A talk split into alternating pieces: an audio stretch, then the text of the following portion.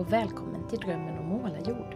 En podcast om att följa sitt hjärta och sin inre kompass. Om att komma till sin rätt som människa och om att förverkliga drömmar. Jag heter Maria Estling Wannestål och i den här podden möter jag personer som har vågat lyssna inåt och känna efter vad som är viktigt för dem. Jag inspireras av deras berättelser och tankar och det hoppas jag att du också ska kunna göra. Häromdagen tog jag ett välförtjänt och långt sommarlov efter ett par riktigt, riktigt intensiva arbetsveckor som avslutades med en inspirationshelg hemma hos mig i Målarjord. Från fredag eftermiddag till söndag lunch ägnade jag och min parhäst Sara oss tillsammans med våra sex deltagare åt övningar, reflektionsrunder, meditationer, promenader och hemlagad vegetarisk mat. Temat för helgen var just det som den här podden handlar om, och vi pratade om balans mellan livets olika tårtbitar. Om att ta ut riktningar kring det som känns viktigt för var och en. Om att träna sig på att acceptera de tankar och känslor som gärna vill sätta upp hinder för att följa den inre kompassen. Tankarna klädde vi i ord och bild, men vi lät dem också vila i tystnad emellanåt. Här och nu förverkligade jag min dröm om en egen kursgård, om än i väldigt liten skala. En av deltagarna berättade efteråt att hon inspireras av att jag gör just så. Tar tag i saker. Gräver där jag står. Inte väntar på bättre förutsättningar. Utan helt enkelt bara skapar ändå. För att det känns så viktigt för mig.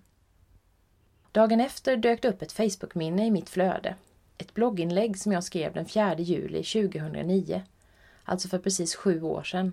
När jag nyligen hade kommit hem från mitt första besök på Mundekulla Retreatcentrum det var där den där inre rösten började viska till mig. Och det var också en sån där liten hållplats i livet, som den jag själv hade upplevt i Mundekulla, som jag hoppades att kunna bidra med till att skapa i Målarjord. Och jag tror att vi lyckades ganska bra, att döma av deltagarnas respons. Vad som kommer ut av den här helgen för våra deltagare i det långa loppet återstår förstås att se. Men tänk om någon av dem skulle tänka tillbaka på målarjordsvistelsen på samma sätt som jag gör med mina dagar i Mundekulla. Det var där det hände. Och tänk att det är här jag är nu, sju år efter kvinnofestivalen. Jag var fruktansvärt trött efter den här helgen, men också väldigt lugn och härligt uppfylld. Och att sen få kasta sig rakt in i ett sommarlov, ja, det kan ju inte bli mycket bättre. Men sju veckors ledighet för mig innebär inte poddtorka. Det är vila nog att inte ha några tider att passa och att jag ändå ägnar större delen av mina dagar åt annat än att sitta vid datorn bad, glass, sällskapsspel och film med familjen, vedklyvning och kanske några av alla de där böckerna som trängs på mitt nattduksbord. Det finns gott om tid att pyssla med min lilla poddbaby. Så här kommer att serveras avsnitt under hela sommaren, om än kanske i lite långsammare takt än vanligtvis. Mina gäster i det 29 avsnittet är Pia och Dennis Kammerborn, som i text och bild inspirerar massor av människor att hitta magin och sagorna mitt i vardagen. Vi tillbringade ett par härliga timmar i deras ateljé i Nyköping. Och här kommer vårt samtal. Varsågod!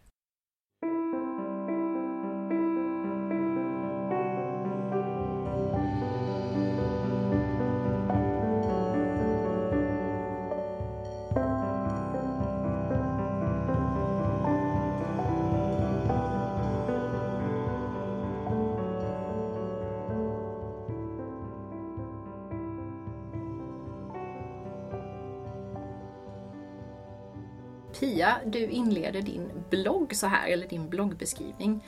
Jag är konstnär, poet, fotograf, sagoberättare och drottning i Kamerbornia, kungariket Kamerbornia.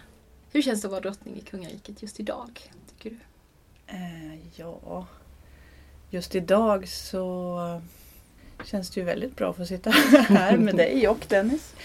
Eh, att vara drottning är ju liksom en metafor. Det är ju inte att jag har fått hybris utan det är mer att, att jag vill att, eh, det är ett statement, att jag vill att alla människor ska få känna sig som drottningar i sina egna liv. Eller kungar eller vad man vill. Men mm. att man ska känna att man får vara med och bestämma över sitt eget liv. Mm. Känna sig, kunna sträcka på sig, vara stolt. Väldigt mycket det som hela det den här podden handlar om också egentligen. Och du Dennis, du mm. beskriver dig som konstnär, musiker, scenograf, stylist och så är du också kung i Kamerbornia då. Ja, precis. Hur känns det just precis idag? Idag tycker jag det känns helt eh, lysande att vara kung faktiskt. Mm. I Kamerbornia. Mm. Eftersom vi har så mycket roligt på gång. Mm. Och, eh, så att i, idag är det lätt att vara kung. Det är inte alltid lätt. Men nu är det toppen tycker jag. Mm. Och kungariket Kamerbornia, hur kom ni på den tanken? Ja, det började ju när vi skulle gifta oss.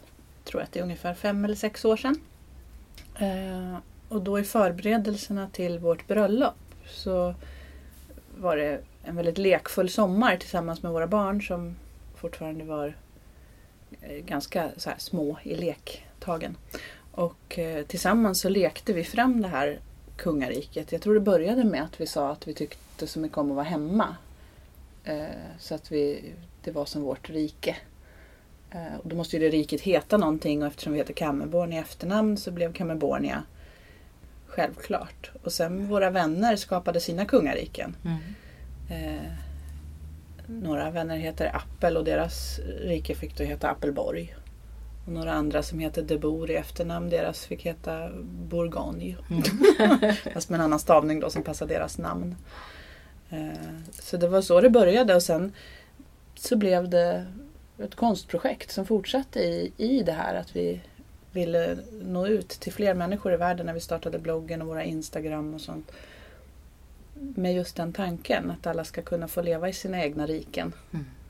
Det är så fyrkantigt i världen och många anpassar ihjäl sig efter alla andras spelregler men glömmer bort vad man själv vill. Och då kände vi att det här var viktigt.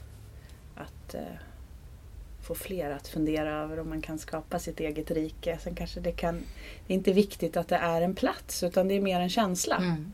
Att man bär det med sig. Mm. Leker barnen fortfarande?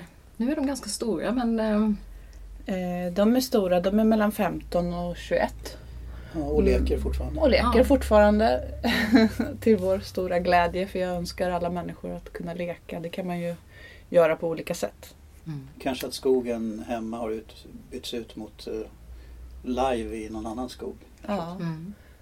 Eller att man leker genom att teckna eller måla eller skriva. Det kan ja. ju vara olika saker. Men det. Ja. det skapandet på något sätt. Släppa kreativiteten. Men flera av barnen åker ju på live också. Det är ju mm. verkligen en form av lek. Eh, utvecklad lek eller vad man ska säga. Mm. Men, men också att Camebornia är ju ett begrepp. Både i vår familj, bland som ni använder familjen och våra vänner. Ja. ja det är det ju absolut. Det är hemma i Kamerbornia säger man. Ja. Men det kan ju också flyttas. Det är som sagt inte viktigt att det är en plats utan det är mer en vi har ju en ateljé i stan där vi sitter just nu och det är också Kamerbornia mm. för det är vi som är här. Precis, det är gemenskapen snarare mm. än den fysiska miljön. Ja. Ni har ju ett valspråk. Det mm. måste man ju ha i sitt kungarike förstås. Ja. Och ert är Love and Play. Ja. Uh, hur tar det sig uttryck rent konkret i ert liv tycker ni? Alltså, kärlek är ju så viktigt och lek också. Det kom ju också naturligt det här valspråket genom att jag faktiskt fick ett armband precis den sommaren vi skulle gifta oss och vi skapade Camibornia. så fick jag ett armband av några av mina elever på den gymnasieskola jag arbetade på då. Och på det armbandet stod det Love and Play. Och de skulle ta studenten, jag hade haft dem i tre år varje dag. De var fyra tjejer som kom med det här armbandet och jag blev så himla glad för det så att jag fick ju tårar i ögonen och så sa jag men tänk vad fint, i bara två ord har ni fått, fått ner det som är det viktigaste i livet, sa jag. Och då tittade de på mig och så sa de, ja men det är det som du har lärt oss de här åren. Och då började jag ju gråta ännu mer förstås, för jag blev så rörd och kände, vad skönt. Det var en väldigt fin bekräftelse på att jag hade lyckats förmedla något av det jag ville ja. under de här åren. Jag hade haft förmånen att få vara med de här tjejerna eh, och deras klasskamrater. Och då tyckte vi bara att love and play, det är ju det, är ju det, det handlar om allting. Mm. Så då blev det valspråket. Och eh, rent konkret så är det väl att man får stanna upp och fundera på om man får plats med de här sakerna i livet. För det är det, därifrån allt måste utgå känner vi. Jag tror Kai Pollak har ju beskrivit det här med kärlek som att alla handlingar man utför och alla, allt man gör det, det kommer ur kärlek eller rädsla alla negativa spiraler i livet kommer ur rädsla egentligen. När människor är elaka eller ja, mot sig själva eller mot andra och gör dumma saker så är det för att de är rädda mm. för någonting. Och när man gör goda och bra saker så är det för att man gör det i kärlek. Och, och då kan man ju fundera, hur vill jag leva? Vill jag leva i rädsla eller vill jag leva i kärlek? Mm. Och alla har vi ju en balansgång att gå. Det är ju ingen som kan göra bara det ena eller bara det andra vi är komplexa. Men att sträva mot mer kärlek i sitt liv. Alltså då, och då är inte det bara kärlek mellan två personer utan jag menar att göra saker. Mm. Att, att vara god. Ja, att försöka vara god. Jag tror i samhället så här är, om du är snäll mot någon eller visar kärlek mot någon så får du ju oftast snällhet tillbaka. Mm. Det är en förutsättning för att samhället ska fungera. Så eh, det är därför oftast vi försöker vara snälla mot varandra. För att vi, så det är ju en, en, en, handling som gör att det blir bättre för dig själv eh, också. Och det tror jag är, det glöms bort lite grann för att det blir, ibland blir det ganska hårt och sådär. Så att en del tycker att det är lite fånigt kanske att prata om kärlek hela tiden. Men det, det är alltså den känslan som är, som är viktigast. Mm. Sen blir det givetvis konflikter och sånt ibland och det måste det väl få vara. Men kärlekskänslan är den viktigaste och den är inte fånig alls utan Nej. tvärtom. Oerhört viktig. Det handlar ju om karma. Att man får tillbaks det man ger på något sätt. Fast Ja. kanske i en annan form. Ja, Men sänder man ut- ja precis men man, man, det ultimata är att ge utan att förvänta sig få Ja. någonting tillbaka. Självklart. Men eh, man, det är ju man då känner, man får mer tillbaka på något sätt Ja, också. men det är ganska självklart. Om jag är schysst mot någon så oftast så Ja. tycker de det är trevligt. Ja, visst. Det är inte så konstigt.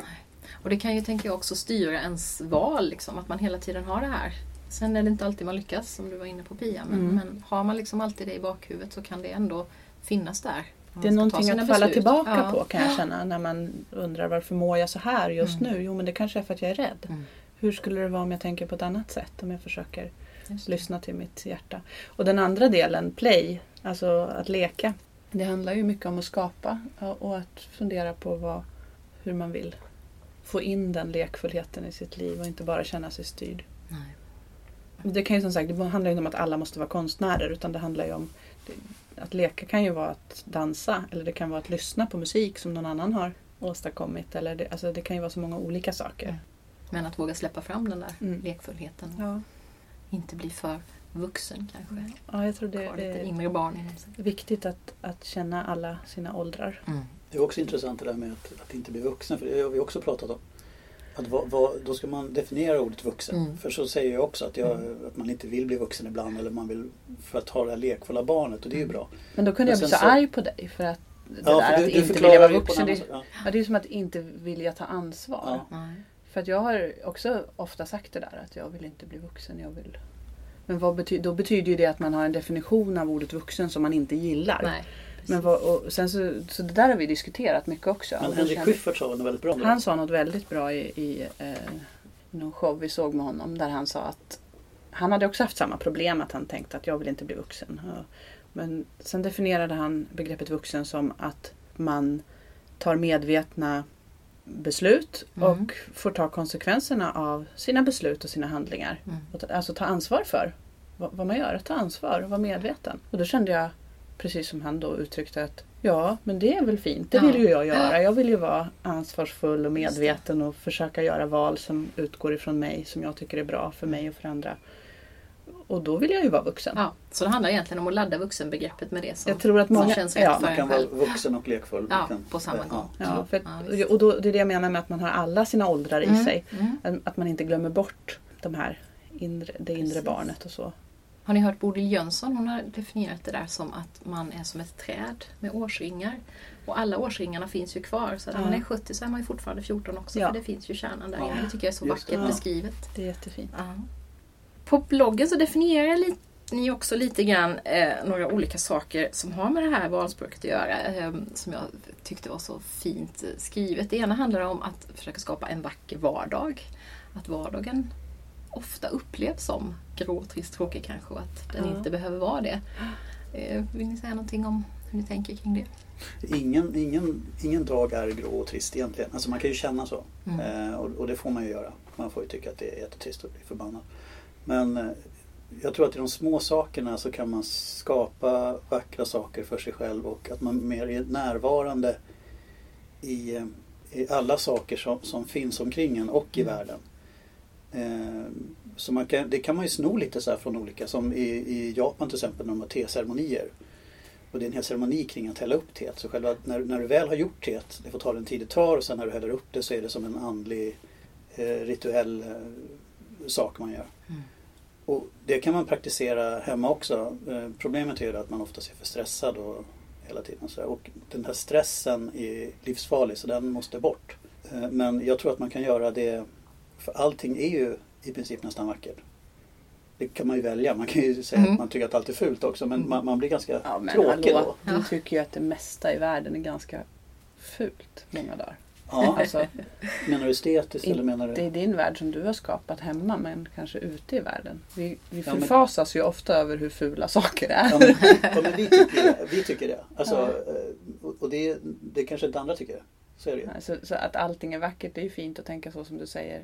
Men då menar ju inte du saker kanske, Nej, eller föremål. Jag, jag menar om jag kommer in på en, eh, som vi handlar till exempel, kommer in på en eh, på ICA och eh, så, så ska man, så tycker man då att herregud så massa förpackningar och elände det är och massa matvaror som vi inte behöver och det men så brukar jag tänka så här, men herregud, vad, vi har ju mat alltså. Vad, Mm.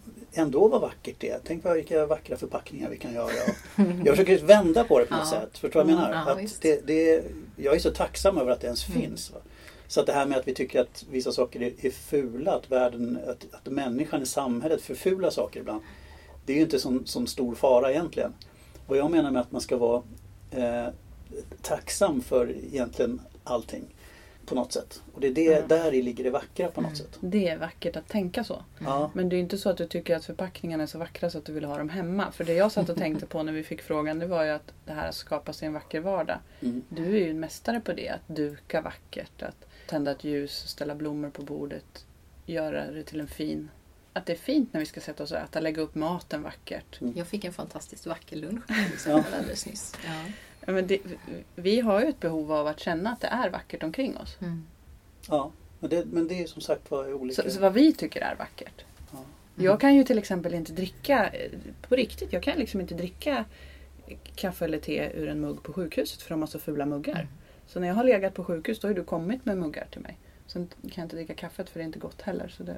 Ja, men det, är för att, det är för att vi kan det. Du har ju, du har ju ett val. Ja. Alltså, sk- skulle du och jag sitta i en flyktingförläggning och du behövde kaffe Ja. och ändå, för då skulle du självklart dricka ur den pappmuggen du fick. Självklart, det låter ju bortskämt. Men när man Ja, har ja, ett är- val så väljer jag det som jag tycker är vackrare för då Ja. blir det godare. Just det. Ja, men det är också ett statement. Att du liksom, måste vi ha det? Måste det se ut så här på ett sjukhus? Men Måste tänk att jag, jag gjorde ju sjuksköterskorna glada. De kom in till mig när jag satt där i min säng med min stora tekopp som du hade tagit med. Mm. En handdrejad keramikkopp som jag Ja. tyckte om att hålla i händerna och känna att jag hade en trygghet. Lite sådär som barn på förskolan kanske har Mm. med sig någonting hemifrån för att känna. Så hade jag ett behov av att hålla i den där varma tekoppen som var, som var min och som var Mm. lite större och så lite ojämn och som jag brukade dricka te ur. Och då kom de in, vilken fin mugg! Åh, tänk om vi, hade, tänk om vi kunde ha såna här. Ja. Och så såg man hur de blev liksom Så spelar Ja. den liksom lite Visst, det är ett lyxproblem ja. när man är utsatt på andra sätt. Men, Men man har ju också det, den möjligheten mm. ganska stor utsträckning utan att det behöver bli någonting som kostar massa pengar Nej, egentligen. det- utan det handlar ju mycket precis. om det du säger Ja. också, att se skönheten i det som finns och att Ja. i den mån man kan påverka. Det behöver inte kosta pengar Nej. eller vara, vara komplicerat. Bara en planka med en vanlig handduk som servett Mm. ju, kan ju vara jättevackert. Det behöver ju inte vara Nej, påkostat när man ska duka. Eh, jag tänker att du och jag är ju så känsliga för vad vi tycker är fult och vackert. eh, Rent estetiskt. Och det är ju olika, det märker vi bland människor hur viktigt man tycker det är. Men jag tror faktiskt att alla människor påverkas ganska mycket av miljöer man vistas i. Mm. Även om man inte tänker på att man tycker att det är fult eller snyggt. Så tror jag att man påverkas av det. Du var ju och hälsade på häromdagen i den gymnasieskolan jag arbetade. Ja. Eh, för du var där eh, för en av våra ungdomar. Och då kom du därifrån och sa Alltså det är sån ful miljö, sa Mm. du. Mm. Jag mår så dåligt av den där miljön. Tänk att du gick där i flera år. Tänk hur alla de ungdomarna och alla de lärarna som är i de här Precis. korridorerna hela dagarna, hur de måste påverkas av den här fula miljön. Japp. Sen har vi olika sätt att se på fult och vackert såklart. Men det är en miljö som väldigt få, tror jag, tycker kan uttrycka att åh vad vackert det är på den här skolan. För det är inte det. Hur man än försöker Nej, så är det inte vackert just där. med. Men det är väl det vi Eh, försöker Och det tror jag att man påverkas av. Även Ja. de som kanske verkar lite så här tuffare eh, och inte så känsliga som vi liksom som går där och tycker att nej, men det är väl inte så fult och det är väl inte hela världen, det ser ut så här. Så tror jag ändå att man Mm, påverkas mm. av det. Jag har också tänkt på det för jag har varit ute mycket på skolor och föreläst och varenda gång har jag, har jag känt liksom "Uff, vad skönt att få gå ut härifrån Ja. för här skulle jag inte, jag skulle verkligen Och det är inte bara synintrycken, hur det ser ut. Nej. Alltså hur ljuset på lysrören och hur, hur korridorerna är, hur kantigt allting är. Utan det är även sinnesintrycken, alltså ljuden, hur Mm. de hur det. akustiken är eller hur det luktar. Alltså alla sinnesintryck är ju viktiga. För jag har hört någon gång ett uttryck att sinnesintrycken är näring för själen. Mm. Och det tycker jag är så fint. Ja. Och då kan man ju fundera, hur vill jag mata min själ? Med vilka, vilken näring vill jag ge? Ja. Och jag känner ju att jag mår fysiskt och psykiskt, men fysiskt dåligt också av, Mm. av fult. I de, I de dåliga miljöerna så blir ju alltså människan så påverkad och själen så att du blir hård själv. Och då blir det direkt en hårdare värld och en hårdare jargong eh, för att man ska stå ut med det. Och, men det är det vi vill få fram mycket med det vi arbetar med tror jag. Om att sådana där saker kan man ändra väldigt lätt för oss själva, oss människor på olika ställen. På Men ful, och- fulhet kan ju, alltså det här som vi pratar om, det kan ju vara energier också, eller liksom en känsla. att Det känns inte bra här och det kan ju ha mycket med liksom människorna som är där Mm. också, vad man utstrålar och Visst. hur, sådana saker. För att sånt som är estetiskt fult, som inte vi tycker är estetiskt tilltalande, det kan ju på något vis bli vackert i sin fulhet också. Mm. Jag har fotograferat kolhögar som jag tyckte var så fula hela min uppväxt. Mm. För att jag helt plötsligt började se dem som vackert. Så att fulhet kan ju vara vackert ja. också. Så det är intressant att Visst, vända på begreppen. Hur man be- närmar sig det liksom. Ja, ja, jättespännande. Det finns ju en blogg, Queen of California. Är det alltid du som skriver i den Pia eller är du där och skriver någonting också? Jag brukar skriva på fredagar. Ja. Men jag har haft ett uppehåll nu men jag ska Ja. börja nu igen. Och bloggen förmedlar ju de värden som ni pratar om här. Att se det vackra, att vara tacksam, att våga drömma Mm. och sådana här saker. Att våga hoppa har du använt precis som jag Mm. brukar prata om. Och, och, och också att hantera svårigheter och så som man går igenom. Eh, Men när, alltså, hur kom bloggen till? Vad, vad, hur uppstod den? Pia kom ut i köket och ställde sig i dörren en gång och typ sa att jag ska börja blogga. Och då tänkte jag oj. Eh, För när du gör någonting så gör du det ganska noga ordentligt. Jag hade aldrig läst en blogg. Nej, aldrig. Utan du bara Nej. hade, du hade hört om det och tänkte att nu ska jag göra det. Så var det. Jag läste faktiskt ett uppslag eller en, eh, ett reportage i tidningen Skriva om att blogga. Och eh, det var bland annat eh, Klara som var med där. Mm. Som har en blogg, Underbara Klara. Mm. Eh, och några andra större bloggar som beskrev.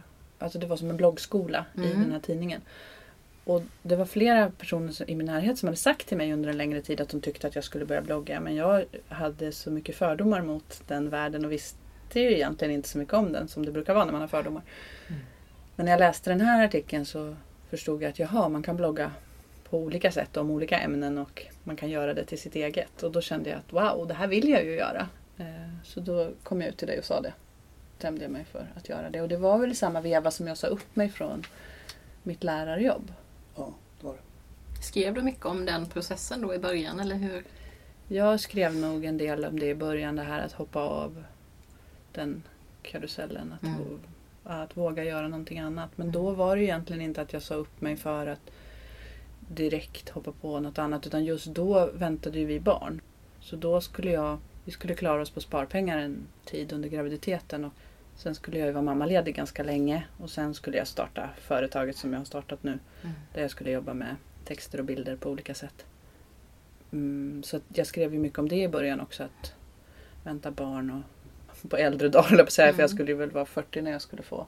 Mm. Det var ett sladdbarn för oss. Men eh, han föddes ju för tidigt och, Mm. och dog. Och då blev ju ingenting som det var tänkt. Nej. Allt ställdes på ända. Och jag blev sjukskriven för jag blev sjuk både psykiskt och fysiskt. Jag fick ju svåra infektioner och sånt. Så att jag eh, var sjukskriven en period. Mm. Men jag, då skrev jag mycket på bloggen om den processen. Jag, först tänkte jag att nu hade jag precis börjat blogga, nu får jag väl sluta för att det här var ju för privat eller för Ja. svårt. Men, eh, eller skulle jag bara inte skriva om det? Det blev ju konstigt. Men jag valde en väg som, som var bra för oss och som har hjälpt väldigt många. För vi har Mm. fått oerhört mycket feedback på Mm. de texterna om vår sorgeprocess. Eh, och jag tycker ju att det är så viktigt att man vågar glädjas åt saker medan de finns. Och, och när man sörjer så, så gör man ju det för att man har varit glad. Så Mm. det finns ju, det hör ju ihop, Ja. sorgen och glädjen. Och eh, jag vill inte vara bara gullegull, glättig och prata om fina och goda kakor och söta fina saker. Även om jag vill fokusera på det goda i livet så tycker jag samtidigt att det är väldigt viktigt att våga möta mörkret. Mm. Som vi alla bär inom oss och som vi måste möta genom Mm. olika svårigheter på vägen och lära oss hantera dem. Mm. Så det handlade ju mycket om i början. Mm. Både att det. hoppa av den här vardagskarusellen med eh, anställning eh, men också om sorgen. Sen så blir ju det eh, någon form av nyorientering när såren blir till ärr och man kan lära sig saker och gå vidare. Det Mm. finns ju alltid kvar. Vi pratar ju om Mio nästan varje dag. Alltså Mm. han är ju närvarande på något sätt. Mm. Fast vi aldrig fick lära känna honom. Men eh, nu är det inte så att den sorgen genomsyrar allting som det var den första tiden. Utan nu är det ju så mycket andra saker som händer. Mm. Utan det är något vi bär med oss i vår ryggsäck. Så sen har jag skrivit om många andra saker. Mm. Ja, det, det tycker jag är så härligt. Jag har inte läst jättemycket i den men det, det är en sån härlig variation tycker jag av den här vackra vardagen och så ibland ett politiskt inlägg och, och Mm. ja, det, en, det, det känns verkligen det känns äkta och Ja. det känns som vi brukar prata om, jag och min kompis, 360 grader brukar vi prata om det här. Att man Ja, kan just se på en människa eh, från alla olika håll. Alla olika människor ska Ja. kunna titta på dig och du ska känna dig lika, ungefär lika sann Ja. i, alla, i allas ögon Att känna mig sann är väldigt viktigt för mig. Jag, Ja. jag har, eh, det känns väldigt viktigt. Mm. Det får man väldigt starkt intryck av i den här Mm. bloggen tycker jag. Allting som jag skriver är sant men jag Mm. skriver ju inte om allting. Så är det ju i, ja, överallt men i, om vi nu pratar om bloggar så är det ju så att där skriver man, man visar ju en tårtbit. Man visar ju det man vill visa av sitt liv eller det Just. man vågar eller ja, väljer att visa. Eh, och det är ju, vad ska man säga, det är ju vinklat eller det är, ja, det är ett Mm. utsnitt. Vad är, vem läser? Är den genomsnittsläsaren eller? Vad Finns jag, det någon först- sån? jag tror att alltså det roliga tycker jag är att vi har väldigt många olika läsare. Ja. Vi har både män och kvinnor och vi har både unga och gamla. Eh, det märker vi tydligt. Att vi har ganska många tonåringar som läser. Mm. Eh, men jag tror att de flesta är kanske mellan 35 och 65. Någonstans där och de flesta är nog kvinnor. Du, Det- ja. Du sa att du hade fått mycket reaktioner då just i sorgebeskrivningen. Mm. Men du har, fått, du har fått reaktioner av många olika slag har jag förstått. Både väldigt positiva men också har du fått uppleva näthat. Ja, det fick vi göra i vintras Mm. för första gången. Det var hemskt. Det var verkligen hemskt. Ja. Eh, Men till allra största delen får vi ju oerhört positiv Mm. feedback. Och det är ju väldigt eh, roligt Ja. att få. Men jag vill ju känna det som att, att ta emot det ödmjukt verkligen. Mm. Men det är ju roligt när man vill inspirera att man får feedback där man hör att man gör det. Mm. Och att vi får eh, brev och, och kommentarer och mejl och sånt där människor skriver att de har vågat ta beslut i sina liv som Mm. de aldrig skulle ha gjort om de inte hade läst mina texter eller hört mig föreläsa. Det är ju jättefint och bara hoppas att det blev bra Mm. då men det, det är det som de skriver. Det, det är väldigt fint.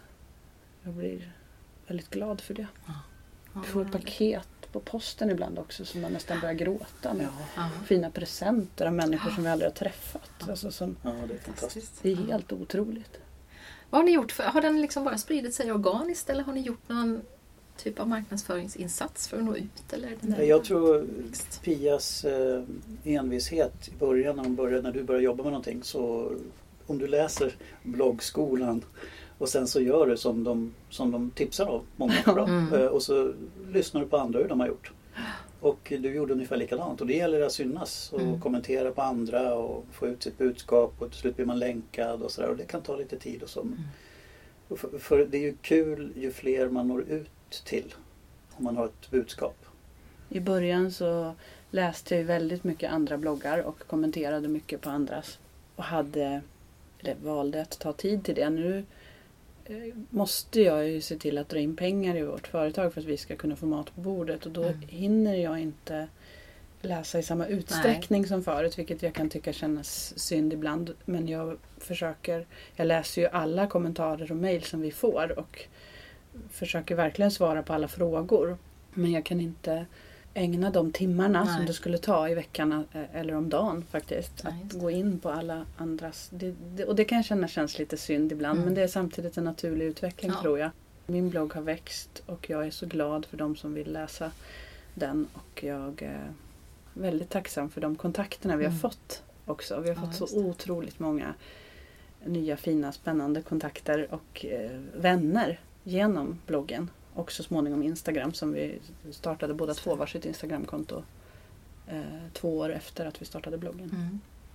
Ja, och på tal om eh, då, verksamhet och så, ni gör ju en massa andra saker också då. Mm. Vi kanske hinner avhandla några av dem i alla fall.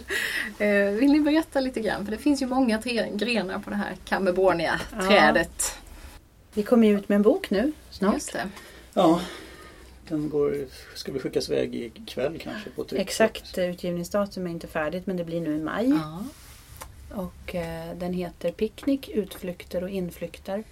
Och är en inspirationsbok om just utflykter. Mm. Eh, med eh, väldigt mycket av mina fotografier och dina teckningar Dennis. Mm. Mm. Och så mina texter.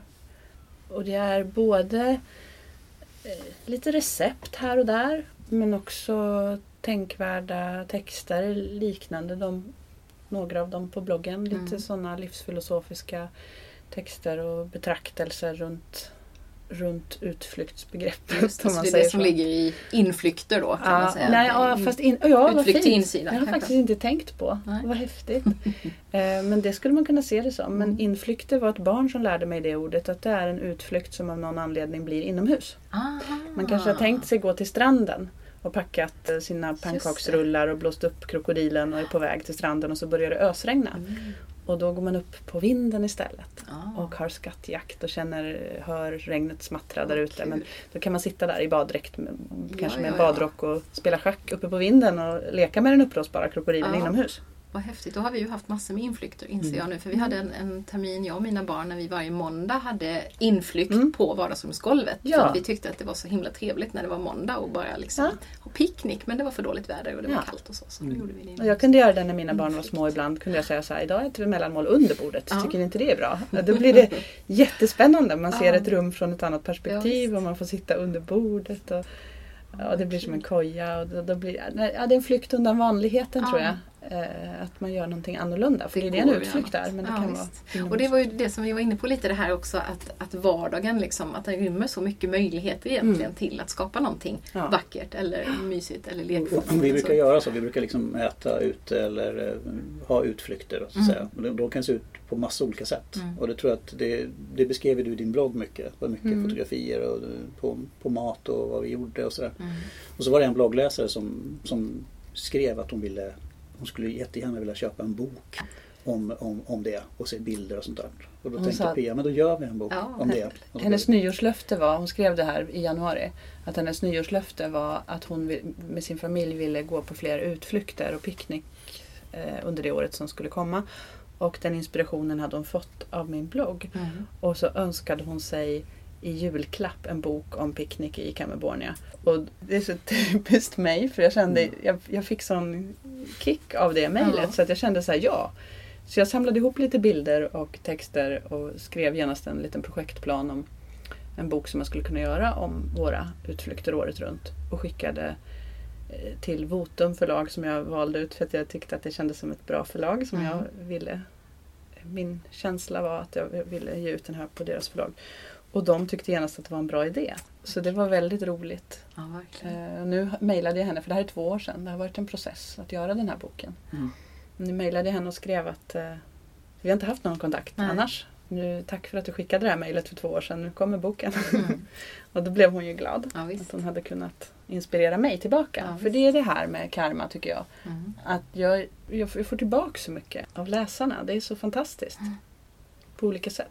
Nu- Och där kom väl ditt skrivande och fotograferande på en, om du pratar om vad, Mm. vad vi sysslar med. Ja, precis. det, det Fotograferingen är ju en kombo viktig där. Mm. Liksom, eftersom du både det. skriver ja, litterärt och... Ja, det är dikter med i den här Ja. eh, Mm. boken också. Det är liksom skulle kanske kunna klassas som en coffee table bok. Alltså den är ju vacker att lägga fram och Mm. sitta och bläddra i. Och man kan läsa lite här och man kan läsa lite där. Den är indelad efter årstider så att Mm. det är utflykter under börjar med våren och sen sommaren och så höst och även vinter. Och eh, så lite praktiska tips också Mm. man kan tänka på när man Mm. packar saker. Och eh, på äventyr Ja. i både solsken och regn. Ja, jag, jag vill att det ska finnas någon form av tyngd i, i den här boken också. Att det inte, inte bara glättiga, Mm. rutiga dukar utan även om bilderna är väldigt tilltalande tycker vi i alla fall. Och, alltså att de förmedlar någon vackerhet och lite drömland och sagovärld. Så är det också någon form av vemod i, i det här med Mm. alltings förgänglighet. Ja, just det. Men vad ska vi göra av det vi har? Hösten Mm. ja. Foto ägnar du dig åt Mm. på andra sätt också? Tar du porträtt och Jag studio? fotograferar porträtt Mm. och, och eh, familjeporträtt och bröllop och sådana Mm. saker. Och, och vi jobbar ju ihop, jag och Dennis. så Mm. Det är likadant med bilderna i boken. att eh, Vi gör bilderna tillsammans. Eller vad Ja. man ska säga. Du sköter om modeller och bär saker och kommer med idéer. Och här kanske vi ska ta den här. Och jag vill, vill vara med och bestämma om ljuset. Och du tycker Ja. jag är krånglig när jag Mm. när jag vill ha det på det ena eller andra sättet och jag fotograferar. Eh, Så vi gör ju bilderna tillsammans. Och likadant när vi fotograferar bröllop till exempel. Eh, Du brukar gå runt med sjalar och nötter och saker för att bruden ska vara mätt och glad och Ja. Mm. varm. Och tänka på sockerfallet. Just det. Och bär min pall som jag ska kunna klättra runt Ja, på. nej, men jag gör ju allting runt omkring. Alltså, Mm. för annars vet jag inte om det skulle fungera. Så Nej. vi måste vara två. För det är ganska mycket jobb. Alltså. Eh, och vi håller på med konstfoto också och allt sånt. Mm. Det var ju så vi började tror jag. Vi pratade konst bägge två. Mm, Och sen har det ja. utvecklats i, Ja. eftersom jag, jag målar Ja, för du målar också då ja. Mm. Jag har ju fotograferat också sådär. Mm. Och jag kan göra det ibland med. Men Men de gemensamma konstprojekt vi har gjort har ju handlat om fotografier som vi har iscensatt bilder Mm. tillsammans. Och så vi har liksom gjort bilderna ihop fast jag har fotograferat dem. Mm. Och så har vi ställt ut dem. Sen har vi ju gjort en kortfilm också som, på samma tema. Ja. Så det är lite olika saker. Sen har du eh, sagoberättandet också som en del av, Mm. av din verksamhet. Det tycker jag är Jag jätte, spännande. jättehärligt nu när mina egna barn har blivit större. Så får jag träffa mindre barn eh, Mm. på bibliotek och skolor och förskolor där jag kan komma ut och ha sagostunder. Mm. Och jag berättar ju sagor då fast jag dramatiserar mitt berättande. Men jag sitter inte och läser ur en bok utan jag, det är sagor som jag kan och jag Mm. använder mig själv som redskap. Och jag blandar in sånger och verser och Mm. sådana saker också. Har lite, ganska enkel men ändå effektfull rekvisita. Mm. Kanske tänder en lykta, har lite vackra tyger och någon docka som Skapa är med och gör något. Sådär. Mm, Mm. Precis. Mm. Ja, det är det som det handlar om tycker jag. Att skapa magi Mm. och att tända stjärnorna i barnens Mm, ögon. Just det. Och det kanske egentligen gäller allt ni gör? Ja, är det inte så? jag att vill det är det. magin i vardagen och magin i livet. Jag vill tända stjärnor i människors ögon. Mm. Så kände jag när jag jobbade. Det sa jag på min anställningsintervju när jag skulle få mitt jobb som gymnasielärare. att Mm. Jag vill tända stjärnor i Mm. ungdomarnas ögon. Det, så, det handlar ju om alla åldrar. Mm. Men sagor, jag tycker sagor är så viktiga i våra liv, i alla åldrar. Mm. Eh, Det finns ju olika sagor som kan betyda saker på olika sätt. Det är ju inte bara för små barn. Men, eh, så att jag tycker om att berätta lite mer spännande och läskiga sagor, Mm. sagor för, för äldre och för vuxna, för ungdomar. Vi brukar ju berätta berättelser Mm. när vi ligger runt lägerelden på somrarna i trädgården. Det är härligt. Mm. Mm.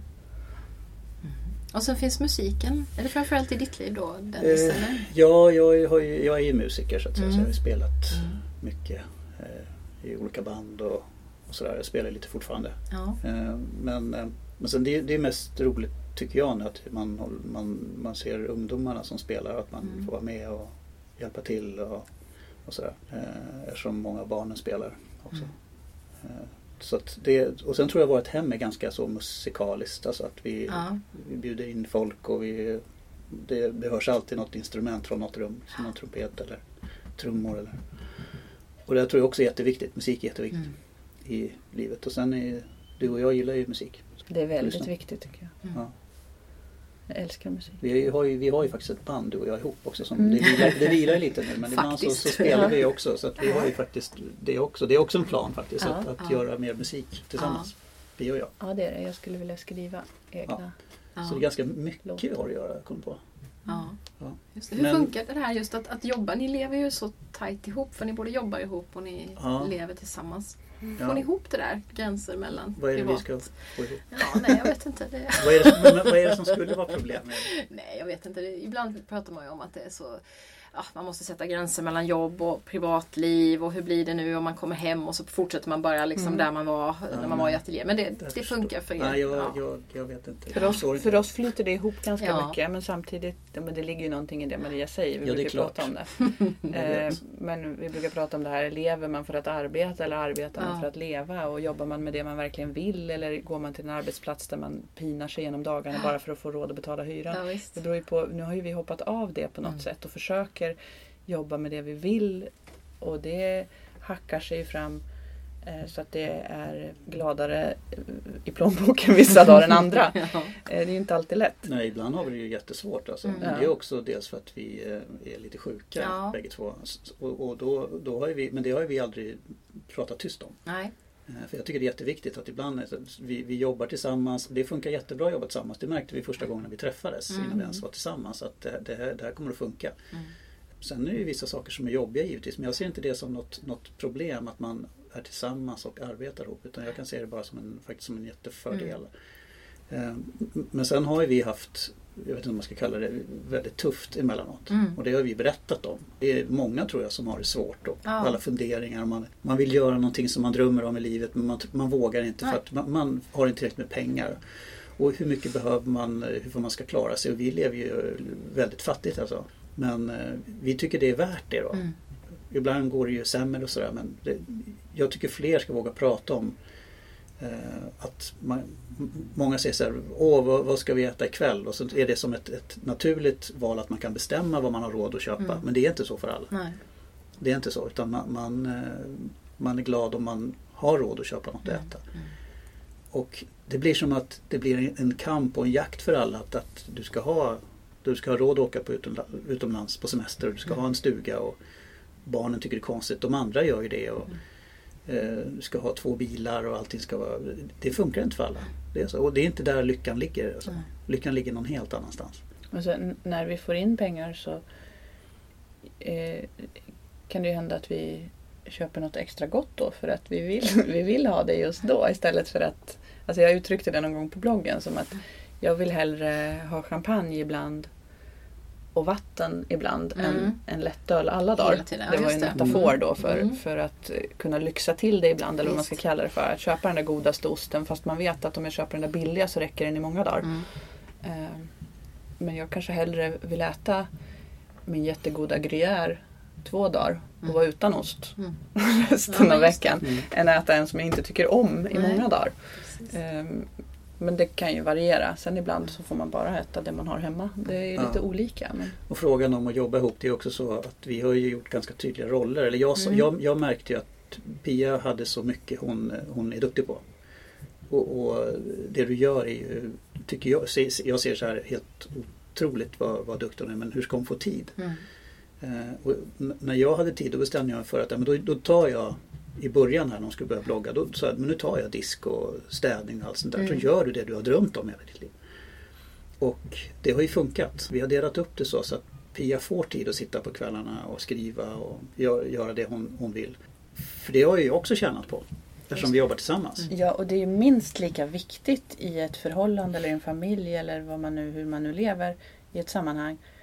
Så är det minst lika viktigt att till exempel diska och städa. Mm. Det är ju inte så att alltså, den som kanske gör det mest, jag har ju ofta gjort det mycket också Ja, men du i har, mitt ju- liv. jag, jag tycker du Kan, har det är det lätt att känna mycket. att man blir, att man blir bitter. Liksom. Men man kan ju också se det som, som en viktig del och Mm. något vackert och något vi gör tillsammans.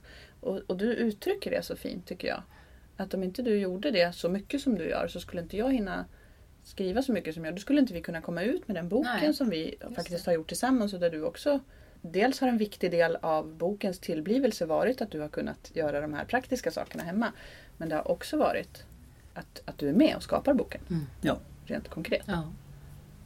Men, men, Men ja, man måste se det som en helhet. Ja, för allt klart, måste ju fungera måste i en familj. ja, det viktigaste i ihop. livet är ju egentligen måltider. Mm. Att eh, få ha vänskap, kärlek, kunna sova bra Mm. och, och kunna vara frisk. Alltså det andra är, är, är också fint men om man ser matlagningen och diskningen som ett problem hela tiden då har man missat lite av livet. För maten är oerhört viktig. Och där skap, har man tid att syssla med det då skapar man någonting Mm. fint. Ja, Och där visst. hjälps vi åt och därför menar jag att det är en fördel att vi är Mm. tillsammans och arbetar Just tillsammans.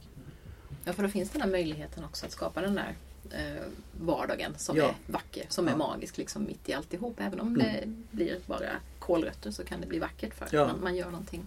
Och att man samlar familjen Ja. eller den familj man är. Och så. Ja. Vi är ju en väldigt brokig familj, vi är ganska många olika personer som kommer och går sådär. Men att man håller ihop det Mm. på något sätt och det tror jag är viktigt för alla. Och där spelar ju måltiden en viktig roll. Ja, och det är ju du som är också nästan bäst på att laga mat tycker jag och har lagat mat så mycket i början. Sen tänkte jag nu är det, nu är det min, min tur liksom. Ja. och, och, och göra det. Just i olika processer. Sen när jag får mycket att göra då hoppar ju Pia in liksom Mm. och gör. Men det är ju som en gåva, de här vardagsmåltiderna som du oftast gör. Att kom, få komma in i köket och du har dukat och tänt ljus och gjort vackert och vi sätter oss och vi sitter ju alltid väldigt länge vid matbordet tillsammans. Mm. Men det är inte alla som hinner det. Så som, som samhället ser ut nu. Därför tycker jag det är, liksom, det är fel. Jag tycker Mm. folk ska hinna Mm. äta i lugn och ro. Ja, det är ju ett medvetet val. Att, Ja. Ja, man måste, ju, man måste ju välja bort saker faktiskt Ja, för att man ska kunna det. Ja, absolut. Jag tänkte på en annan liten gren på det där eh, verksamhetsträdet. Den nya videopodden, eller vad Mm. heter det när man Ja. har bild Ja, till ja, också? en videopodd. Ja. Som jag har varit inne och kikat på och Ja. lyssnat. eh, Som jag tycker är häftig. Som handlar om livet i allmänhet och stickning i synnerhet. Ja. Jag, jag, lite? jag, jag är ju eh, manisk stickerska. Jag har stickat sedan jag var barn. Mm. Eh, mer eller mindre maniskt men eh, i perioder. Men alltid stickat. Och eh, jag kände väl till slut i höstas att det kanske... Alltså jag har sånt behov av att sticka. Både för mitt nöjes skull men också som någon form av terapi. Alltså Mm. att jag, mår, jag får ett lugn av, av den rytmen och det tillfredsställelsen i att se att maska efter maska blir någonting vackert och varmt som jag kan bära själv eller, Ja. eller värma någon jag älskar med. Du beskriver det så vackert också med det här med det som vågorna eller det som hjärtslagen för Ja. varje maska. Det är så Det otroligt känns poetiskt så när jag sitter och stickar. Och jag, du sa till mig igår att oj, nu har inte du stickat idag. Eh, Det måste du göra nu. Jag gör kaffe så sätter jag och sticka för att det Mm. behöver du. Och det behö- jag, jag får abstinens om inte jag Mm. stickar och det kanske är, en, det kanske är ett sjukdomstillstånd. Ja, men det, Till viss del är det det. Ja, det är det. Men, samtidigt, det, det är en intressant eh, sjukdom för att det, det är ju sam, alltså det är ett beroende. Eh, men det är samtidigt en terapi. Ja. Alltså, och det är ju ett konstruktivt Ja visst finns det forskning som säger att stickning är lika mycket terapi som meditation. Jag har läst något Ja, sånt. att, det, stresshantering. att det sänker Ja. hjärtrytmen Ja, och sånt. Ja, om det går bra. Ja, just det. Man stickar fel kan det vara men det är ju också beroende. Alltså, Ja. när man ser det, Ja. alla de blir helt maniska. Ja men jag har varit i detta också förstår Mm. ni. Ja, När jag var mellan 10 och 25 så Mm. stickade jag Mm. otroligt maniskt. Jag tror jag Mm. producerade 100 tröjor på den tiden. Ja. Jag började sticka på beställning. Jag kunde inte göra någonting Nej. utan att sticka. Nej. Sen dess har jag inte stickat någonting och det är jättekonstigt. Jag vet inte hur det Saknar slutar. du det då? Eller Nej jag gör inte det men Nej. nu när jag har lyssnat på det här så blir jag sådär, Ja. oh jag tror jag ska börja igen. Alltså, det, stickvärlden är ju ganska stor. Ja, alltså, och, och, Och man- där är ju de sociala nätverken fantastiska. Ja, för det är så för mig har det blivit en helt Mm. ny stickvärld. visst. Jag har ju stickat mer eller mindre ensam hela livet. Ja. Eller med mormor eller mamma kanske. Någon enstaka kompis som stickar lite halvhjärtat men, eh, under uppväxten. Och sen har jag ju varit ensam med mitt stickande. Och så helt plötsligt så har jag stickvänner nu på Ja. Instagram och på bloggar. Och, och som jag då så småningom får träffa i verkligheten den ena efter den Ja. andra. Och det är fantastiskt roligt. Och jag lär mig att utvecklas i mitt stickande. Eh, också. Men det var, ju, det var ju samma där. Du kom ju in och sa vi, vi, vi ska göra en stickpodd.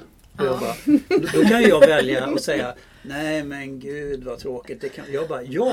För att jag vet att det, nu händer det något roligt. Ja, även om det är mycket jobb. Eh, Men så blev det en enorm, enorm genomslagskraft. Och vi har ju folk som Mm. tittar på, på den här i, Ryssland och USA och Ja. New York. Och, Nya Zeeland. Ja, runt hela jorden. Ja det blir en härlig eh, Ja, kraft liksom. ja visst. Och, vad är det som, vad tror ni att det är som eh, gör att det har blivit sån revival för stickning? För det har ju varit lite, alltså när jag var tonåring, det var ju töntigt. Det var ju något som jag inte det- talade det, det om. har jag också med mig. Att jag Ja. tycker att det är lite töntigt Ja, och visst. lite sådär. Men, Och nu är det superinne. Ja, det liksom. Jag tror att det är Ja. överhuvudtaget så är det ju en trend i samhället att komma tillbaks till någonting kanske lite Mm. mer ursprungligt. Just eller det. alltså att allt har blivit ganska kantigt och, Mm. och hårt och effektivt. Att man kanske Mm. vill ehm, och, och klädindustrin överhuvudtaget Mm. är ju också en ganska sjuk företeelse Mm.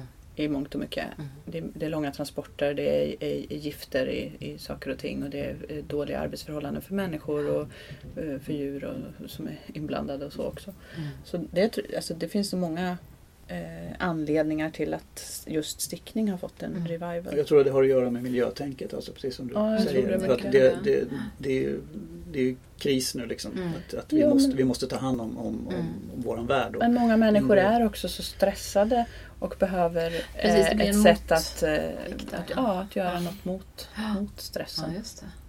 Jag tänkte på det här också som du pratade om där med att, att skapa någonting, att det Mm. blir någonting bestående. Dels så pratar ni så fint om de här minnena, den här killen som stickade den tröjan han Mm. satt i fängelse som Ja. vapenvägrare då till sin flickvän. Och, och det var ett program i Kropp och Själ för en tid sedan som handlade om livsdrömmar och många av de här livsdrömmarna handlar just om att, att skapa någonting, någonting som blir bestående, som Mm. alltså på något vis finns kvar, som kan skapa minnen och allt Mm. det här. Så det finns nog kanske en sån längtan också tänker jag, att, ehm, att vilja liksom Och, det, och jag kan känna att det är en kraft finns. som man har i sig som man knappt eh, inte alltid ens är medveten om. När jag har stickat någonting färdigt så kan jag lägga det framför mig och titta så här. Åh. Och då ropar jag på er så här som ett barn som har byggt ett Mm. legotorn. Liksom. Mm. ja. Titta, titta, titta! Ja. Så där. Jag vill att alla ska komma och titta och Ja, beundra. visst. jag sitter själv och bara åh vad fint det blev. Precis som att det inte är jag som har gjort det. Det är jag som har suttit och stickat. Ja. Men det är som att jag inte fattar det själv. Och det, det är det jag menar med att jag blir besatt. Ja, När man är besatt så är det ju en, en kraft som använder ens egen kropp. Och lite så kan jag känna. Ja. Att det är liksom, jag vet inte. det bara rinner igenom dig. Ja. Ja, det är lite skräckfilm över det hela. Ja. Ja. Men det är ett redskap. Ja, ja, vad häftigt. En sak jag funderade på det var det här med er övertygelse som, som är så lik min, det här om att följa sitt hjärta och, och hitta sin kompass och sådär. I ert fall så har ju det här fått konsekvenser, precis som det har fått för mig, med jobbförändringar, privata förändringar och så. Men hur mycket tror ni hänger ihop med att det händer, för ni har gått igenom tuffa saker också. Alltså, man pratar ju ofta om det här att när man står inför döden eller det, det händer någonting dramatiskt, då äntligen liksom inser man att Mm. har det funnits med, har den funnits med tidigare den här lilla rösten fast man inte, inte har lyssnat lika mycket? Eller har den alltid, alltså, För mig har den alltid varit viktig. Jag har alltid Mm. sagt till andra människor så här att jag tror att det är viktigt att stanna upp i livet och fundera om man är på rätt plats och gör rätt saker Ja. och det man vill och lyssnar man till sitt hjärta och sådär. Men jag har eh, försökt göra det själv också. Mm. Men ibland känt att jag inte har möjlighet att göra de val jag kanske skulle vilja och så. Men när vi träffade varandra för sju år sedan så blev det så himla uppenbart. Vi tyckte så lika och vi liksom såg in i varandras själar på något sätt. Mm. Uttryckte du det som? Ja, de här pusselbitarna du pratar om. ja. Ja. Vi, vi hjälpte varandra att, att sätta igång med allt det här Ja. vi har gått och drömt om. För jag har ju också haft, jag har ju hållit på med Mm. konst och, och sen har man jobbat vid sidan av och man har, det har aldrig känts så att nu känns det bra. Men nu, nu så med, med hjälp av dig så, så, så funkar det helt plötsligt. Ja, jag känner så med dig också. Men Ja. det är som att du ser mig som den som jag vill vara.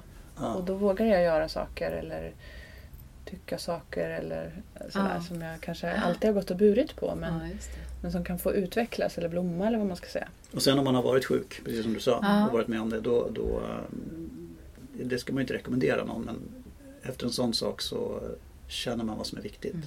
Dennis, du fick ju en hjärtinfarkt när vi hade varit tillsammans inte så värst lång tid. Men precis flyttat ihop. Vi hade bott ihop Mm. några veckor. Så Mm. fick du en hjärtinfarkt. Mm. Och den ställ, ställde ju väldigt mycket på Mm. ända. Så det är väl efter det så har vi gått igenom ännu fler svåra Mm, kriser. ja. Med vårt barn som har dött och vi har båda haft andra sjukdomar efter det. Mm.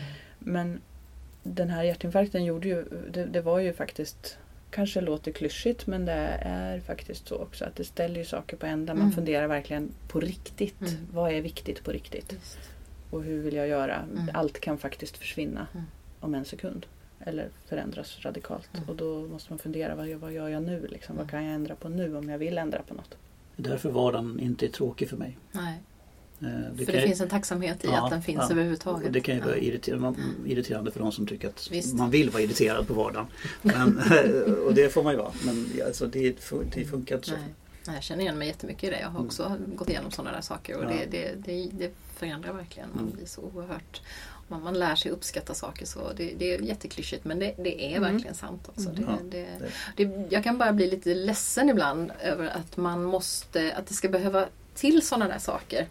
Att Ja. man inte ska upptäcka det Mm. tidigare. Jag, tycker, jag är glad för jag ser det hos mina barn Mm. mycket mer. För mig har det tagit så lång tid liksom, att, Mm. att våga lyssna till den där inre rösten. Men jag ser ju att mina barn gör det. Det Mycket, mycket vara, tidigare. jo, men jag tror att det har kommit upp mycket mer nu. Vi vågar Det prata är nog mycket, mycket mer mer så. om, ja. om Ja, psykiska åkommor och saker. Att Precis. inte vi behöver skämmas för det och hur vi mår. Och, och att det är viktigt. Mm. Eh, Och det tycker jag ungdomar är jättebra på nu. Mm. Mm. Det är en Det är nog generationsfråga. en, en generationsfråga. Också Mm. kanske också en större acceptans för att inte alla ska vara i samma form. Nej. Och lite så att vi, vi får lov att blomma ut. Förut var det med ja, men, bit ihop och tyst, gå och jobba. Precis. Och har du utbildat dig till det här då ska du fortsätta med det resten Ja. av livet. Och Ja. har du gift dig med den här människan då ska du vara gift med Mm. den resten av livet. Alltså, vi har väl blivit lite mer toleranta ja, mot... ja, men vi tycker att vi är så fria Ja. men det har inte varit så. Nej, Från början var det ju så att om jag hade varit född på 1700-talet då hade Mm. jag blivit det som min pappa var. Ja, Det, var själv- det fanns inget annat. Det var, det var så. Och sen fick, ändrades det, det. Men det har legat kvar ändå. Mm.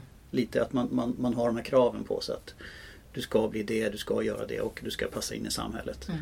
Men alla passar inte in i de här rollerna. Nej. Utan vi har olika uppgifter och man måste hitta sin uppgift. Ja, och då är det ju inte människan som det är fel på utan det kanske är förhållandena runt omkring som måste ändras. Ja. Eller? just det. Vi pratade ju en del om att det inte alltid är så lätt det här med att, att leva en dröm. Och det, det är ju säkert, tror jag, något som, som skrämmer många. Eh, och vi pratade om ekonomiska påfrestningar, sjukdom och så vidare. Men ni har också skrivit så här på bloggen. Camebornia må vara i kris men vi ger aldrig upp. Mm. Eh, har ni någonsin tänkt tanken att nej, nu ger vi upp och så skaffar vi oss varsitt normalt lönearbete och så eh, lever vi som alla andra? Kort, kort stund ibland men sen så ser vi det framför oss och så ser vi att men det klarar vi inte. Nej, för, Nej. Mig, för mig finns det så alltså inget Nej. val. Alltså, Nej.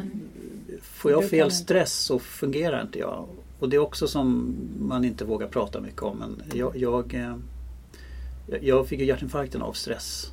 Eh, Och eh, ska jag pressas in i en sån situation så då överlever inte jag. Så att jag måste hitta på någonting annat. Men det innebär, vi, vi, vi bad ju om hjälp då när vi hade det som värst. Eh, Och eh, Pia har skrivit sin, hållit på med sin blogg i många, många år och gett människor jättemycket. Och sen nu fick några chansen att ge tillbaka Ja, lite. just det. Och det var helt fantastiskt. Vi är så jäkligt tacksamma över det. Och det var oerhört svårt också att göra så som du Mm. gjorde. Men det är också lite tabu. Visst, att be om hjälp ja, för att vi ska och, vara så himla och, och klara. förklara hur det ligger till Ja. eller hur det är och sådär. Men, Ja, jag börjar nästan men, gråta när jag tänker på det. Vi satt hela familjen och såg hur människor skrev vackra saker till oss och Mm. skickade både pengar och mat hem Mm. till oss. ja, För att vi skulle överleva över och- julen. Ja, för vi hade det så dåligt då. Men Ja. det, det är också för att eh, vi är sjuka och dels för att vi ska kunna fortsätta med det vi gör Mm. och, och sprida Ja, de här tankarna till människor så de får ta del av Mm. det och göra de här sakerna. Och det kan man göra på massa olika sätt. Och du gjorde så, jag var ju på väg till, till kyrkan då för att Mm. be om pengar för att jag kunde inte, det fanns inte så det räckte till någonting. Nej. Vi var verkligen på botten. Och då fick jag dubbelsidig lunginflammation. Ja. Ja. Men, men, men ur, ur de här svåra sakerna så blir man ju så oerhört stark och, och eh, tycker att ma- man är så jävla tacksam för det Ja. man har ändå. Sen så reser man sig och en dröm ska man aldrig ge upp. Alltså. Man, man är skyldig det sig själv att göra det. Vad man får tänka på det är kanske att man inte får, om man är väldigt behov av att ha alla dyra nya saker och kunna göra alla de här resorna och allt det där. Då ska man ju tänka, men då kanske jag ska ha mitt vanliga jobb så jag har en trygghet och det känns bra. Men eh, vi måste göra så här, vi har inget Mm. val. Men sen finns det ju massor av människor som har det som kallas för vanliga jobb och älskar det och trivs på Absolut. det. Då är Absolut. Visst. f- Visst. all respekt för det. Ja men det är om de hittar det jobb de verkligen vill ha. Mm. Liksom. Jag tycker inte man ska utsätta sig för arbeten som, man, man, som när, när själen dör och sådär. Att man går där. Och då säger ju en del Ja men en del skulle ju vara jätteglada bara få ett jobb så de fick Mm. pengar och mat. Men det, det, det fungerar inte så. Vi Mm. behöver inte stå och tillverka saker som inte vi är i behov av. Nej. Just för att några ska tjäna mycket pengar på det och sälja det. Säg, säg nej. Och allas livsdrömmar ser ju olika ut men att just att våga stå Mm. upp mot förväntningarna. Ja, För det är ofta det. mycket Och kanske också ibland alltså, an, vad vi tror att människor förväntar sig. För det är inte säkert Nej. att de gör det. Men vi Nej. kanske... Ofta tror jag att det är det det handlar om. Ja. Att vi tror att andra Visst. förväntar sig saker av oss. Ja. Man lever genom an, andras Mm. tankar och man, man tror att de ska... Det, det är så eh, onödigt. Mm. Behövs inte. Nej. Ja, ni har ju mycket på gång. Ni har massa olika projekt. Det Mm. finns en massa barn i familjen. Har ni liksom egen tid också sådär att bara...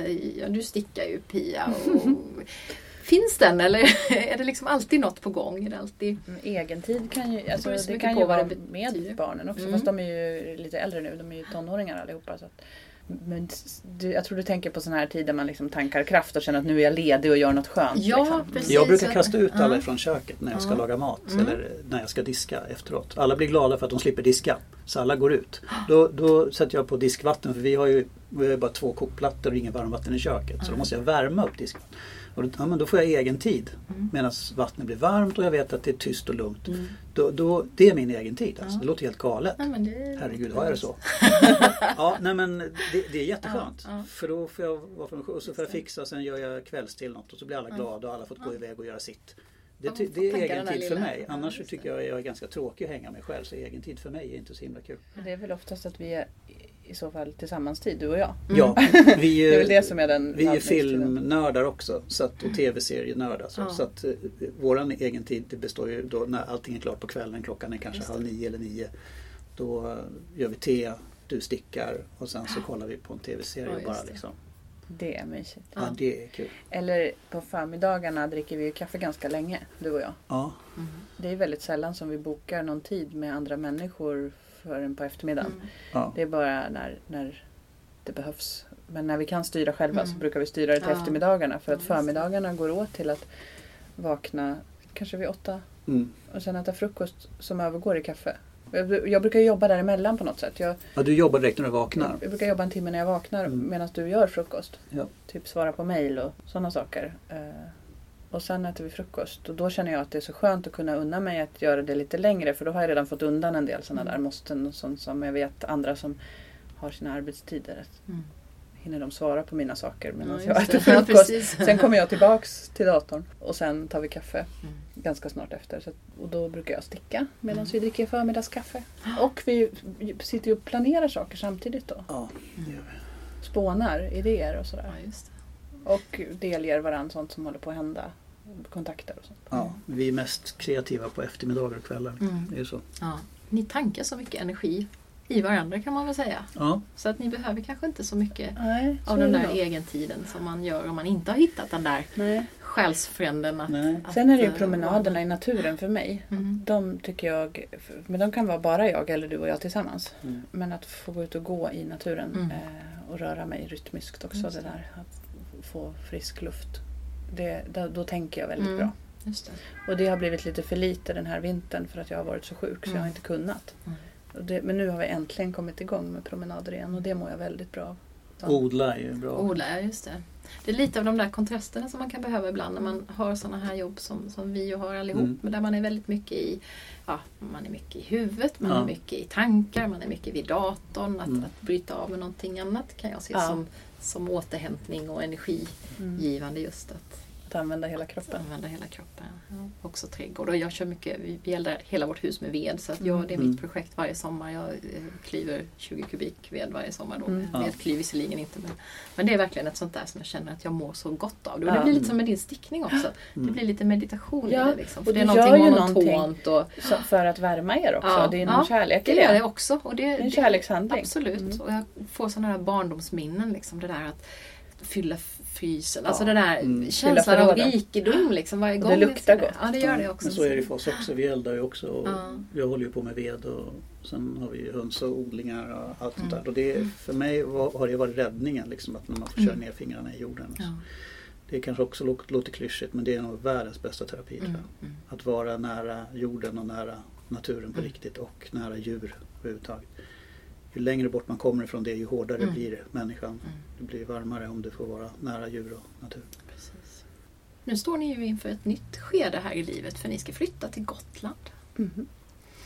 Vad tänker ni? Ska ni bygga upp eh, ett... eh, Du pratar ju om det här med att Kamerbornia finns med er var ni är, så det är klart att det tar ni ju med er. Men tänker ni att ni ska liksom ta med er mycket av det ni har haft här? För ni har ju haft ett, ett eh, speciellt hem med, med djur och med sådär. Eller hur? Det kommer bli mycket, alltså vi tar ju med oss vårt kungarike för det är som jag sagt, Mm. det är ju en, mer en känsla och eh, ett sätt att leva. En livsfilosofi. Mm. ehm, än vad det är en plats. Så det eh, är ju så att det tar vi ju med oss. Mm. Men vi kommer ju leva ett både lika men också annorlunda liv. För att nu kommer vi ju bo i en världsarvsstad. Vi ska ju Mm. bo i Visby. Vi ska bo i Visby. Mm, innanför ringmuren. Mm. i ett- Men det är ett gammalt hus. Vi har bott i ett Mm. gammalt hus nu också. Ehm, men vi behöver inte åka bil varje dag. Vi kan gå och handla. Mm. Vi kan gå ner till kaféet. Vi kan gå ner till stranden. Ni kommer ju odla där också. Ja, Mm. det är ju inte en trädgård på samma sätt som på landet där vi har bott nu. Med naturen in på knuten. Men det är ju en väldigt speciell stad, Mm. Visby. Och det här vackerhetsbehovet som Ja. vi har brukar vi säga. Att, tänk att vi ska få bo i den här vackra stan. Var det det som, som förde er till just Gotland? Ja, vi, har, vi har varit där eh, så många somrar och Pia Mm. sa en, en morgon, hon var så jäkla trött på allting tror jag. Och att eh, du ville dö på Gotland. Eller vad sa Det du? var ju när jag var sjuk i vintras. Ja, just det. Ja. Lunginflammation. Och, ja, Jag var nästan halvt medvetslös och låg och rosslade i soffan. ja. Och sa att du kunde skriva på min gravsten att, att jag eh, längtade ihjäl mig till Gotland. Jag kom aldrig dit på Ja, riktigt. Men jag önskade mig hela livet att jag skulle få bo där. Och, då, och jag låg och rosslade ur med det där helt allvarligt tyckte jag som någon drama queen Mm. i soffan och du började skratta. Ja. Du försökte hålla dig men du kunde inte. Nej. Och då började jag på något konstigt hostande sätt att skratta också. Men, Mm. och sen tror jag det var dagen efter så ringde den mannen som vi har hyrt vår lägenhet av på somrarna när vi har varit på Gotland och frågade om vi inte ville bo där året runt. Då kändes Ja, det som att det var meningen. Ja, att nu, det, vi, har, vi har längtat efter Ja. att få bo där eh, och dags. haft det som en dröm och tänkt Mm. att någon gång kanske och sådär. Men. Nu är det dags. Ja, historiskt sett så har ju Gotland blivit invaderat väldigt många gånger så jag tänkte att Kalifornien, det är dags nu att ta Ja, över just Gotland. det. Kungariket kommer att ta Ja, över. Ja. Så Precis. får se ju om vi kan ta oss igenom ringmuren men jag tror det går ganska bra. Men jag tror att vi kommer kunna jobba i fred där i första tiden när vi bor där och kunna utveckla många av våra andra projekt Ja. som vi har på gång. Ja, just och vi har massa kontakter där. Och, Mm. Så jag tror att det kommer bli storartat och naturen pratar ju med oss där på Mm. något speciellt sätt. Vi har en innergård där vi kommer att kunna odla också. Inte gräva upp några stora land men kunna gräva alltså, lite grann. Och, Mm. Ja, och sen eh, i, i framtiden kanske bo någon annanstans på Gotland. Ja. Men, men det, här är, det här är meningen. Ja. Ja. ja, vad häftigt. ja, det är verkligen en dröm. Mm.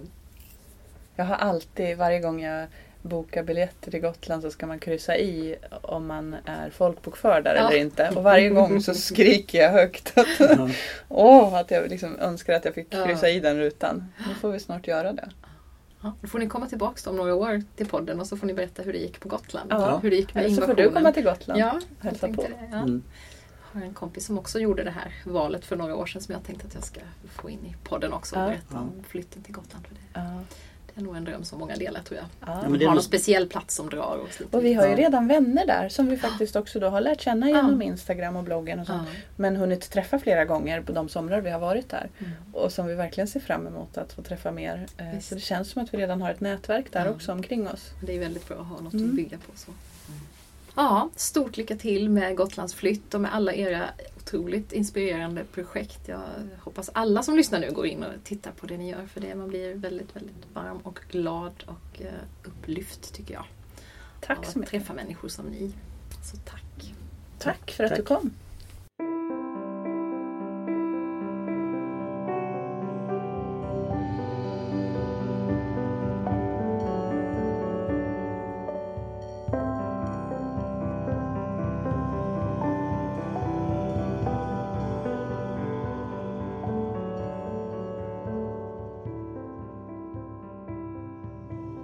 Gången hade jag alltså besökt Pia och Dennis Kammerborn. Och de hittar du på webben på www.kammerbornia.se där du bland annat kan följa den fina bloggen där framförallt Pia delar med sig av sina tankar om livet i och utanför Kammerbornia i ord och bild. Pias och Dennis Youtube-kanal heter också Kammerbornia och där finns videopodden som vi pratar om. På Instagram heter Pias officiella Instagramkonto Kammerbornia och Dennis konto King of Kammerbornia. Boken Picknick, utflykter och inflykter som vi pratar om i podden kan du beställa direkt från Votum förlag eller på Adlibris. Jag kan verkligen rekommendera såväl boken som att ta en titt på allt annat som Pia och Dennis gör. Jag har fått och får massor av inspiration från dem. Några exempel. Jag har börjat sticka igen efter över 20 års avhållsamhet. Och det känns oerhört härligt att få använda mina händer lite mer. Jag som annars är så mycket i huvudet och själen. Ett par ullvantar i ekologiskt garn har det blivit hittills. Och häromdagen hittade jag superfint reagarn, så nu ska jag sticka raggsockor att mysa i på våra kalla trägolv till vintern. Vi har också inspirerats till att skapa lite mer magi kring våra måltider i familjen. Sommaren är ju annars en sån där tid när alla är hemma och jag kan bli urless på all mat som ska lagas. Men i år kör vi ett internationellt matprojekt under sommarlovet. Vi väljer mat från världens alla hörn, planerar och lagar tillsammans och gör någonting mer kring själva måltiden än att bara äta. Exempelvis åt vi ratatouille och jag berättade om mina äventyr under tågluffar och gatumusikantturnéer i Frankrike. Och vi käkade fish and chips och mindes förra årets Storbritannienresa. Snart ska vi testlaga fatte som jag blev bjuden på av min poddgäst Selina Hami som du får möta här i podden om några veckor. Pia och Dennis picknickbok gav mig också en egen bokidé som jag ska plura vidare på under hösten. Men först ska jag äntligen skriva klart min novellsamling. Och så kommer ju min och äldsta dotterns barnbok snart. Vi har just skickat in det sista korrekturet till förlaget. Camebornias valspråk är Love and Play och jag håller verkligen med om att det är två viktiga grundpelare i livet. Jag blir nog ofta lite förälskad i mina poddgäster, vill ibland liksom flytta in i deras små bubblor och bo där bland deras kloka tankar. I sommar ska jag försöka träna extra mycket på att sprida kärlek till alla i min omgivning, krama min familj, vara lite extra vänlig mot andra människor jag möter. Det är ju så enkelt egentligen, och så smittsamt. Och så vill jag skapa ännu mer utrymme för lek och för sagor och magi i mitt liv. Lekens och sagornas betydelse är också något som betonas av en annan av mina inspirationskällor, Medicine Story, vars bok The Joy of Caring for Children in the Circle Way jag håller på att översätta. I september ger jag mig ut på en sagolik vandring tillsammans med min poddgäst från avsnitt 17, Kajsa Ingmarsson, med utgångspunkt i hennes vuxensaga Isobels vandring, som jag just har läst ut och tyckte mycket om. Hur skapar du utrymme för lek och magi i ditt liv? Det är jag nyfiken på. Om du vill får du gärna skriva på poddens Facebook-sida och berätta. I nästa avsnitt ska du få träffa coachen, journalisten och dramapedagogen Maria Järlofsson i ett samtal om bland annat drömmar och mod. Du får också veta varför mitt första möte med Maria var på min egen toa hemma i Målarjord. Följ gärna Drömmen om Målarjord på Facebook och Instagram. Tipsa dina vänner om podden och tipsa mig om intressanta poddgäster. Och så försök ta vara på sommaren, oavsett om du jobbar eller är ledig. Och spar ner alla bilder, dofter och ljud i en liten ask att ha med dig in i hösten och vintern. Vi hörs snart igen. Hejdå!